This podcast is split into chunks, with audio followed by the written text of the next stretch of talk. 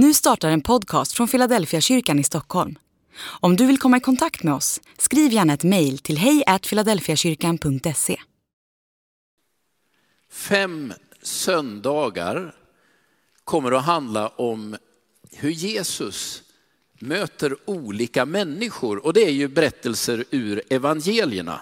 Det finns en eh, stor palett av sådana här historier om Jesus. Och vi kommer att plocka fem av dem. Och när man läser evangelierna så inser man ganska snabbt att, att en tredjedel av evangelierna handlar om den sista veckan i Jesu liv.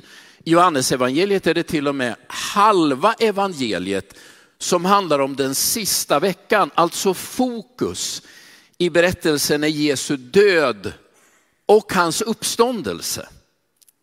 Men allt det där som händer innan, hur ska man tänka om det?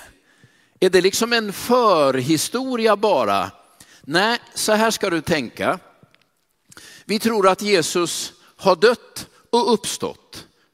Och det Jesus gjorde innan sin död och uppståndelse, det är någonting han kan göra nu också. Det vill säga hela den här förhistorien är ju egentligen en sorts beskrivning av vad Jesus fortfarande är kapabel att göra. Här kommer ett bibelord ifrån Hebreerbrevet kapitel 13 och vers 8.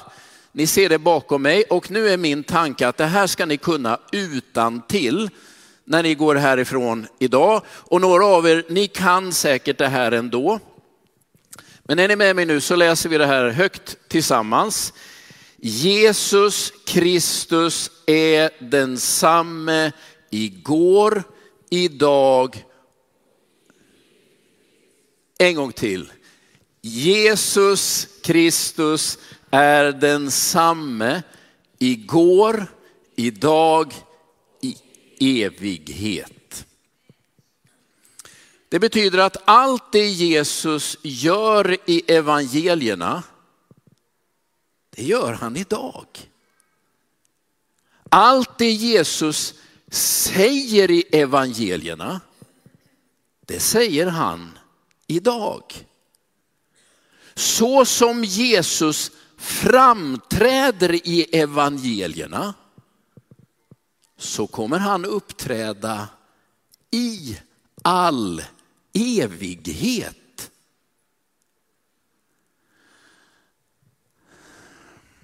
När vi läser evangelierna så brukar jag tänka att det är som en karta.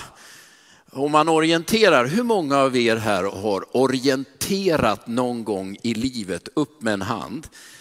När jag gick i skola var det obligatoriskt. Jag har dessutom varit scout så jag har fått en rejäl dos av karta och kompass. Men ni vet, när man hamnar ute i naturen och inte riktigt vet var man befinner sig, då är det en enorm fördel om man nu kan läsa karta och kompass, att ha en karta, för då kan man ganska snart börja identifiera några hållpunkter runt omkring sig. Där finns en höjd, där är ett litet träsk, där ligger några hus, där är en öppen yta och så kan man med hjälp av kartan inse, jag är här. Och det jag skulle önska att du förstod det är att det är precis så evangelierna är tänkta att fungera i ditt liv.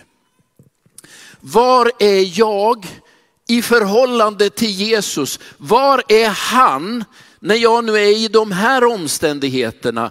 Vad säger han till mig där jag står just nu. Evangelierna är som en sån här karta där man kan börja pricka in några sådana här punkter och inse, här är han och här är jag. Jag har några namn på Jesus, det finns många i nya testamentet, men jag listade några som jag ändå tycker är värda att ha med sig varför är det så viktigt att försöka identifiera var Jesus är och var jag är? Ja, men lyssna på de här beskrivningarna av vem Jesus är. Apostlärningarna 3 och 15, där kallas han vägvisaren till livet. Det är rätt angeläget att kunna identifiera var är han och var är jag i förhållande till honom? Eller första Petrusbrevet 2.24. Våra själars herde och vårdare. Att kunna veta, här är jag, här är han, är ju helt angeläget. Han är vägvisaren till livet, han är min själs herde och vårdare. Eller Johannes kapitel 1, nåd och sanning. I den här världen är de där två sakerna så avgörande att kunna hitta. Och var finns de? I Jesus personen. Eller Johannes 14 och 6. Han är vägen, sanningen och livet. Och för mig räcker det att, att hitta de här namnen så inser jag om jag kan få hjälp att identifiera var han är och var jag är i förhållande till honom. Då har jag allt jag behöver. Så nu kommer vi till den här första berättelsen. Och ni ska få tre så nästan generande enkla punkter. Och tänk nu, karta, kompass. Hur ska jag förstå och läsa mitt liv? Var är Jesus? Han är densamme idag, igår, i all evighet. Var är han nu? Var är jag nu? Det är lite karta och kompassövning här. Matteus kapitel 4, vers 18 till 22. När han vandrade ut med Galileiska sjön fick han se två bröder. Simon som kallas Petrus och hans bror Andreas. De stod vid sjön och fiskade med kastnät, för de var fiskare. Bra att veta. De var alltså på jobbet. Han sa till dem, kom och följ mig. Jag ska göra er till människofiskare. Och de lämnade genast sina nät och följde honom. När han gick vidare fick han se två andra bröder, Jakob, Sebedaios son och hans bror Johannes, sitta tillsammans med sin far Sebedaios i båten och göra i ordning sina nät. Jesus kallade på dem och genast lämnade de båten och sin far och följde honom. Ja, det här är ju en berättelse om något som hände för 2000 år sedan, men igen nu då, kom ihåg vad jag sa. Det Jesus sa då säger han nu. Det Jesus gjorde då gör han nu. Så som han framträdde då framträder han nu. Varför det? Jo, Jesus Kristus är densamme igår, idag. Bra. Så här kommer nu tre punkter, kartläsning. Nummer ett, Jesus möter dig där du är. Vid stranden, vid fiskebåten. Alltså det, det här upprepas ju, det här mönstret upprepas ju gång på gång på gång på gång i evangelierna. Jag förstår inte hur man kan missa det. Var möter Jesus människor? Där de befinner sig. Men i huvudet på oss är det ju så ofta så att vi ska ta oss någon annanstans än vi råkar befinna oss just nu om vi ska vara anträffbara för Jesus. Det där är det första du ska se. Var möter han dig? Exakt där du befinner dig. Och ingen annanstans. Nu vet ju jag att ganska många av oss ägnar oss aktivt dagligen åt någon form av verklighetsflykt där vi tänker oss att vi vore någon annanstans än där vi befinner oss just nu. Ibland är det ju av ren bekvämlighet. Ni vet, man tänker sig bort till semestern, den är helt okej. Okay. Men om man har ett bekymmer i relationer så tänker man sig att man befann sig någon annanstans. När det är struligt på jobbet så tänker man, jag byter jobb och så börjar man vandra iväg någon annanstans. Men lyssna nu, det första du ska ta till dig, det är att Jesus alltid möter dig just där du befinner dig. Och om du nu är i en högst oönskad situation, låt mig bara tala om för dig, Jesus kommer möta dig precis där du är.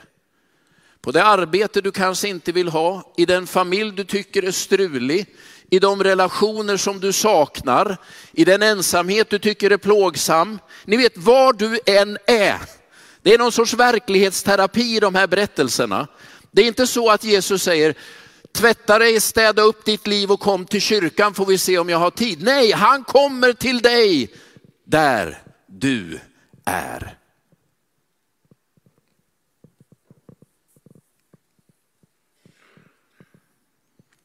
Andra punkten. Jesus kallar dig som du är. Alltså första punkten, han möter dig där du är. Andra punkten, han kallar dig som du är.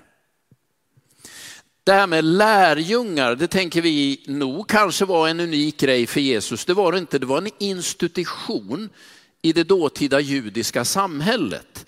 Att bli uttagen, att bli någons lärjunge var väl ungefär som att bli draftad till jag vet inte, jag kan ju inte fotboll eller sånt där, men Hammarby eller AIKs A-lag, ni vet, då har man talang.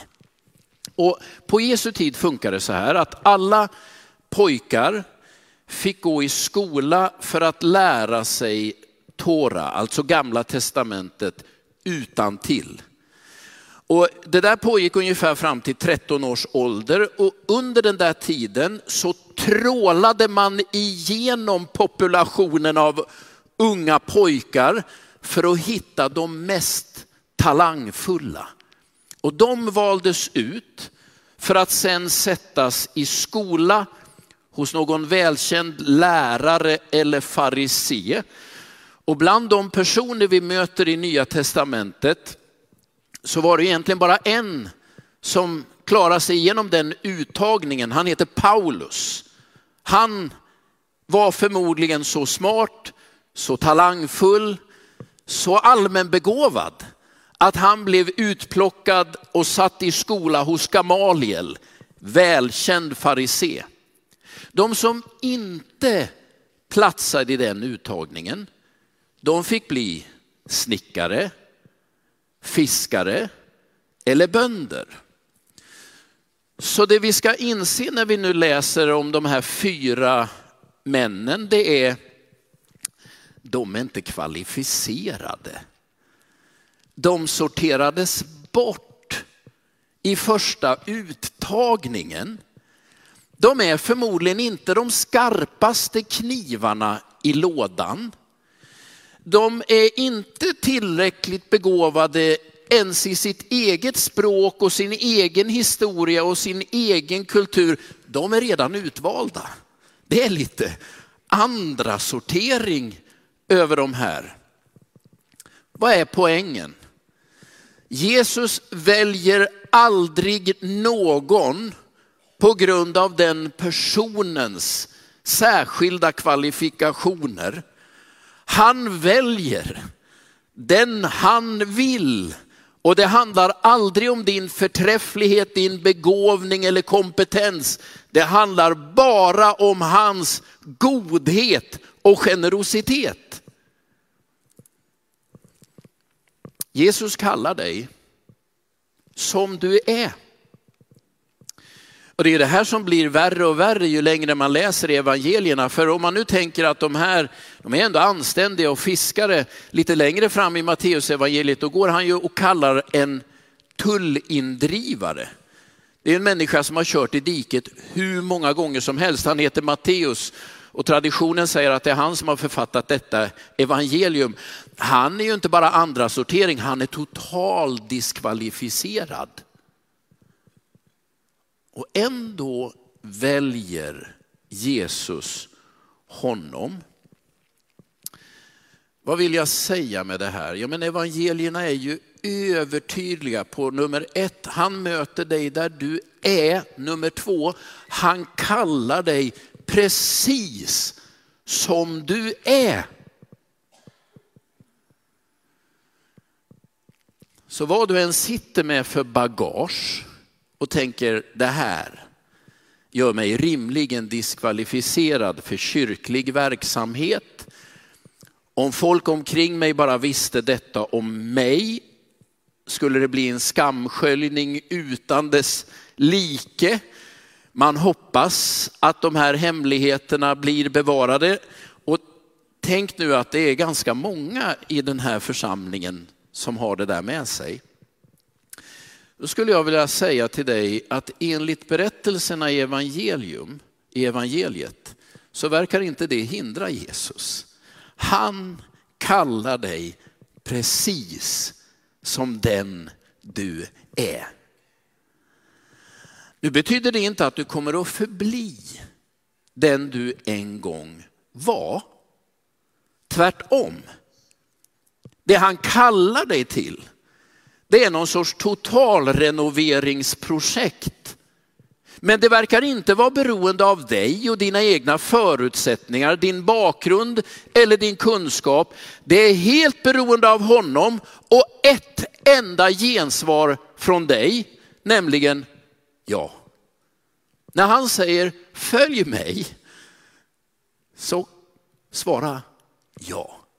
Men det bygger inte på dig, din förträfflighet, din lämplighet. När jag började komma in i kyrkliga sammanhang, var ju tidigt i tonåren, så var ju min första grundtanke, jag är inte religiös. Jag, när jag försöker förstå hur jag tänkte så är jag lite svårt att få tag i det, men jag bara insåg, jag är inte riktigt kodad känslomässigt som de andra kyrkligt intresserade. Jag har inte de fromhetsgenerna. Så inser jag efter ett tag, det verkar Jesus fullständigt strunta i. Det är helt oväsentligt. En del människor har ju liksom en genuppsättning som gör dem vänliga och tillmötesgående av naturen. Liksom religiösa utan att de ens är kristna. Andra är ju aggressiva och bråkstakar. Ni får ju fundera på vilken kategori jag möjligen kunde höra hemma i. Hela min uppväxt har jag sysslat med olika former av kampsport, tycker att det var det bästa. Jag försökte ju även som kristen starta en boxningsklubb med devisen slå ett slag för Jesus. Men vi la ner den efter ett tag. Sättet att möta andra människor på och jämföra sig med andra var av annan art än den jag upptäckte att det var bland dem som hade vuxit upp i frikyrkan. Men jag har lärt mig genom åren. Men jag inser att Jesus kallade mig precis som jag var. Talade in i mitt liv. Och när jag sa ja så började en process i mig som inte kan beskrivas med några andra ord än förvandling. Men den kommer inte från mig, den kommer från honom. Alltså, han möter dig där du är, han kallar dig som du är. Och det tredje, han använder det du kan. Jag ska göra er till människofiskare, säger han. Och när man hör det där så kan man ju undra, vad betyder det? Alltså, ska man se andra människor som fiskar? Här gäller det att få folk på kroken. Eller här gäller det att agna upp något för att fånga folk. Ni vet, det är konstiga bilder i huvudet. Nej, nej, nej, nej, nej, nej. Det här handlar inte om hur du, hur du liksom ska betrakta andra människor, utan det är som att Jesus säger, det här ni kan, hela den här erfarenheten ni har skapat er genom ert liv, det är precis det jag vill använda, men till välsignelse för andra. Det är som att han säger, jag tänker inte göra om er och, och allt det här ni har hållit på med, hela eran erfarenhet tänker jag nu ta. Men den ska förvandlas, transformeras så att den blir till glädje och välsignelse runt omkring dig.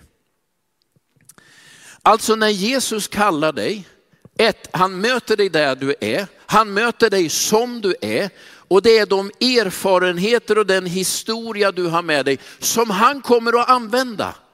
Så naturligtvis säger han ju till ett par fiskare, jag ska göra er till människofiskare. En fråga, säger han det till någon annan i evangelierna? Nej, det är bara till fiskarna. Och de fattar ju direkt, ah, det här vi kan är alltså inte helt värdelöst. Det jag har gjort tidigare i mitt liv, det är inte bara på sophögen. Nej, utan det du har med dig ska jag använda och jag ska göra det till en välsignelse för andra människor. Men jag trodde ju inte att du kunde använda en fiskare. Du ska se vad Gud kan göra. Det är otroligt hoppfullt. Ja, det, här var en helt, det här var ett försök till en kartövning. Och min poäng är ju inte att du ska tänka vad härligt att han gjorde det där för länge sedan, utan du ska tänka det han gjorde där, det gör han nu. Och han sökte upp de här helt underkända fiskarna vid stranden. Ingen av dem tidigare känd, omskrivna någon annanstans. Efter detta ytterst välkända, otroligt omskrivna. Men det har ju bara med Jesus att göra. Vem är det han söker? Han söker vem som helst. Han möter dig precis där du är. Han möter dig precis som du är. Och allt du bär med dig i ditt liv kommer han att transformera och omvandla så att det blir till välsignelse. Jag tillhör ju de här som älskar matlagningsprogram. Tycker det, är, det beror ju på att jag älskar mat. Det hänger ju ihop. Det fanns ett program för ett antal år sedan när den här trenden började som jag tyckte var otroligt fascinerande. Då gick någon programledare hem, oftast till en hyfsat känd person och så hade han med sig en kock. Och så intervjuade den här programledaren den hyfsat kände personen och under tiden undersökte kocken vad som fanns i den halvkände personens kylskåp och skafferier. Jag kommer inte ihåg mycket av intervjuerna, men jag kommer ihåg kockens utmaning. För han skulle utifrån det han hittade, och tro mig, det var inte mycket, laga en trerätters middag. Och ibland när man öppnar kylskåpet och tänker det är månader sedan någon var där och fyllde på något så inser man här kan, här kan man inte göra något av. Men tro det eller ej, jag vet ju inte hur mycket tryck det här var i bakgrunden, men kocken lyckades alltid trolla fram en fantastisk festmåltid av rester och kvarlåtenskap i halvkända personers kylskåp och skafferier har jag tänkt detta är precis vad Jesus gör. När han kommer hem till dig och börjar rota igenom kylskåp och lådor i ditt skafferi, dina minnen och erfarenheter och du tänker det här är inte tjänligt för levande människor. Tro mig, han kommer att kunna ta det mest unkna och förvandla det till en festmåltid. Han tar det du har med dig och över tid kommer han förvandla det så att det blir till glädje, välsignelse och rikedom för dig själv och för många fler människor. Alla fyra evangelier är fyllda av den här typen av inledande berättelse, hur han kallar människor. Varför är det det? Därför att det här allt börjar hos Jesus. Vad är slutsatsen? Han kallar fortfarande.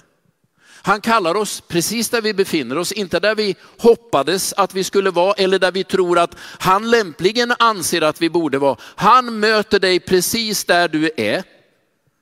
Han möter dig precis som du är. Och låt mig nu säga det till dig, du som har följt Jesus i många år och tänker det duger inte det här som har hänt i mitt liv. Tron har haft låg utväxling i min person. Jag är fortfarande rätt otrevlig mellan varven. Det är ingen idé du försöker göra något åt det själv. Låt Jesus möta dig där du är. Han kommer att förvandla dig över tid. Han gör det. Och han kommer att använda det du har med dig. Och tro mig, det mest fascinerande är ju att han till och med kan ta de där svåra nederlagen i vårt liv, förlusterna, sorgen. Och så på något gudomligt sätt förvandla det till en himmelsk rätt fylld av nåd. Det är så du ska läsa de här berättelserna. Jesus Kristus är densamme i går, idag och i evighet. Är inte det fantastiskt? Låt oss be. Jesus, tack för att du fortfarande strosar omkring på stränder, på arbetsplatser, i hus, lägenheter, i hem. Du kommer till människor i sorg och förtvivlan, du kommer till människor i glädje och kraft. Överallt söker du människor, precis där de är och kallar oss till dig. Och tack att du kallar oss som vi är, inte som vi borde vara. Och tack för att du tar allt det vårt liv rymmer och så förvandlar du det till välsignelse för andra människor. Jag älskar dig.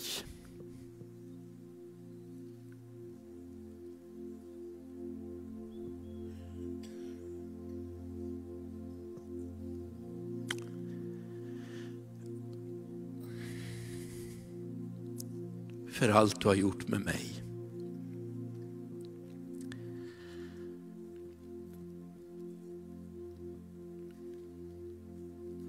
För att din nåd är ny varje dag. Och för att så lite handlar om mig. Och så mycket handlar om dig. Tack att du går i det här rummet till den som sitter i sorg och förtvivlan. Till den som sitter och önskar sig en annan familj än den man nu har. Till den som sitter i ensamhet och längtar efter gemenskap. Och du möter var och en av oss just där vi är. Herre, låt oss se dig och höra dig. Och du kallar oss just som vi är. Men det som är våran historia förvandlar du till någonting helt nytt. Låt den förvandlingen fortsätta och pågå. Amen.